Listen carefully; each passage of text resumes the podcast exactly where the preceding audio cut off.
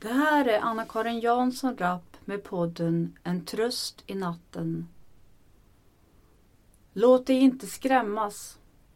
Nu gäller det för gemene kvinna och man att inte låta sig skrämmas. Att lugna och trösta barnet inom oss när krigshoten skallar. Det finns nämligen fog för att vara misstänksam mot all denna skrämsel som vi människor utsatts för nu i flera år. Visst är i alla fall att Putin var bästa vaccinet mot covid-19 för när han kom på tal var covid-19 ett minne blott. Vi har en dotter på tio år. Hennes skoltid har hittills varit späckad med skrämsel. Då när covid-19 var på tapeten så fick de tvätta sönder sina händer i skolan under lång tid. Och nu skräms man för krig genom bland annat Lilla Aktuellt som visas i skolan. Det räcker nu med skrämsel för hennes generation. Vi säger till henne att inte bry sig om vad de pratar om på Lilla Aktuellt eller andra informationskanaler. Att hon kan vara lugn, för det kommer bli bra. Det är bara en hel del att rensa upp och det kan se rörigt ut. Men mycket sker under ytan och det kommer ordna sig.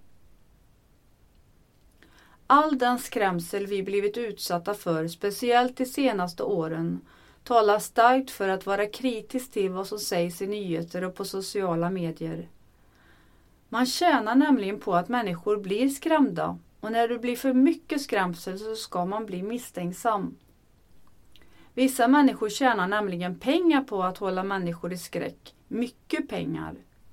Och krigsindustrin är inget undantag. Man vill heller inte att andra människor ska göra revolution. Och då är bästa medlet att hålla dem i skräck för än det ena, än det andra. Och varför inte dra till med värsta skrämselmetoderna så som det varit de senaste åren? Det är så genomskinligt all denna skrämsel, men rädslan är stark, för man kan som bekant bli rädd för vad som helst. Rädslans fula tryne har inga som helst begränsningar. Därför måste vi sätta upp gränser för hur långt skrämseln får gå. Hur mycket makt den ska ha i våra liv och i våra barns liv. Det får nämligen räcka nu. Förstår att det till exempel är svårt för dem som kommit hit som flyktingar att inte låta sig skrämmas, för vi har alla vårt bagage. Jag själv har en uppväxt i kyrkan där allt gick ut på att skrämma människor för att få dem att stanna kvar och lyda. Så jag vet hur det ser ut när man försöker skrämma människor för att hålla dem i schack. Och det ser ut precis som det gjort och gör i dagens samhälle. För människan har varit på väg flera gånger nu att göra revolution och det har bemötts med än mer skrämsel. Men än finns det hopp. För det finns människor som säger ifrån och vägrar låta rädslans fula tryne styra dem och deras barn. Så det finns verkligen hopp om oss människor och vi får ta vara på dessa tappra människor som vågar fortsätta leva och skapa trots att det larmar och står i runt omkring. Och till, och till oss som kämpar var dag med rädslor vill jag säga att vi är också tappra. För varje steg vi tar som går emot skrämselapparaten och istället tar oss ut att åka pulka med barnen trotsar vi rädslans fula tryne. För varje steg vi tar som går emot skrämselapparaten när vi skapar med våra händer, målar och skriver eller skapar på andra sätt håller vi världens själ vid liv.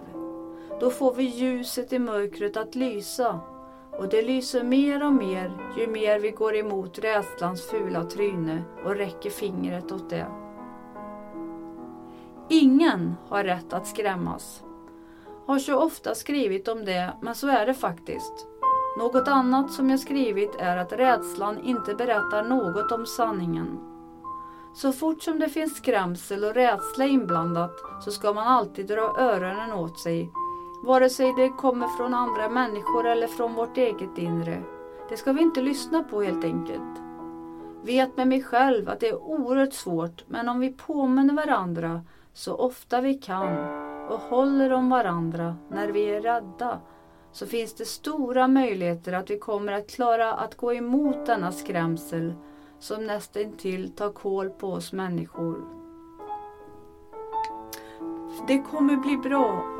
Det kommer ordna sig. Det har funnits galningar i alla tider men jag vågar påstå att människan utvecklats genom tiderna och fastän man till exempel gallrar ut viktiga historiska böcker på biblioteken så finns det många som är uppmärksamma på den styrning som människan utsätts för. Så att hon inte går på allt som sägs utan reflektion. Jag vågar påstå att människan numera någonsin vågar tänka själv och mer och mer förstår att vi måste sluta värdera och bli vår egen bästa vän för att må bra här i livet. Vi gör så gott vi kan efter våra förutsättningar i det här livet och ingen har rätt att ha någon som helst åsikt om våra prestationer. Vi ska skapa och göra det vi brinner för så kommer det till glädje och gagn för andra och peka fingret åt rädslans fula tryne. Ut i snön och åk pulka. Se hur solen gnistrar i snön. Gnistrar för dig. Det här är Anna-Karin Jansson Rapp med podden En tröst i natten. God natt Sverige, var än du är.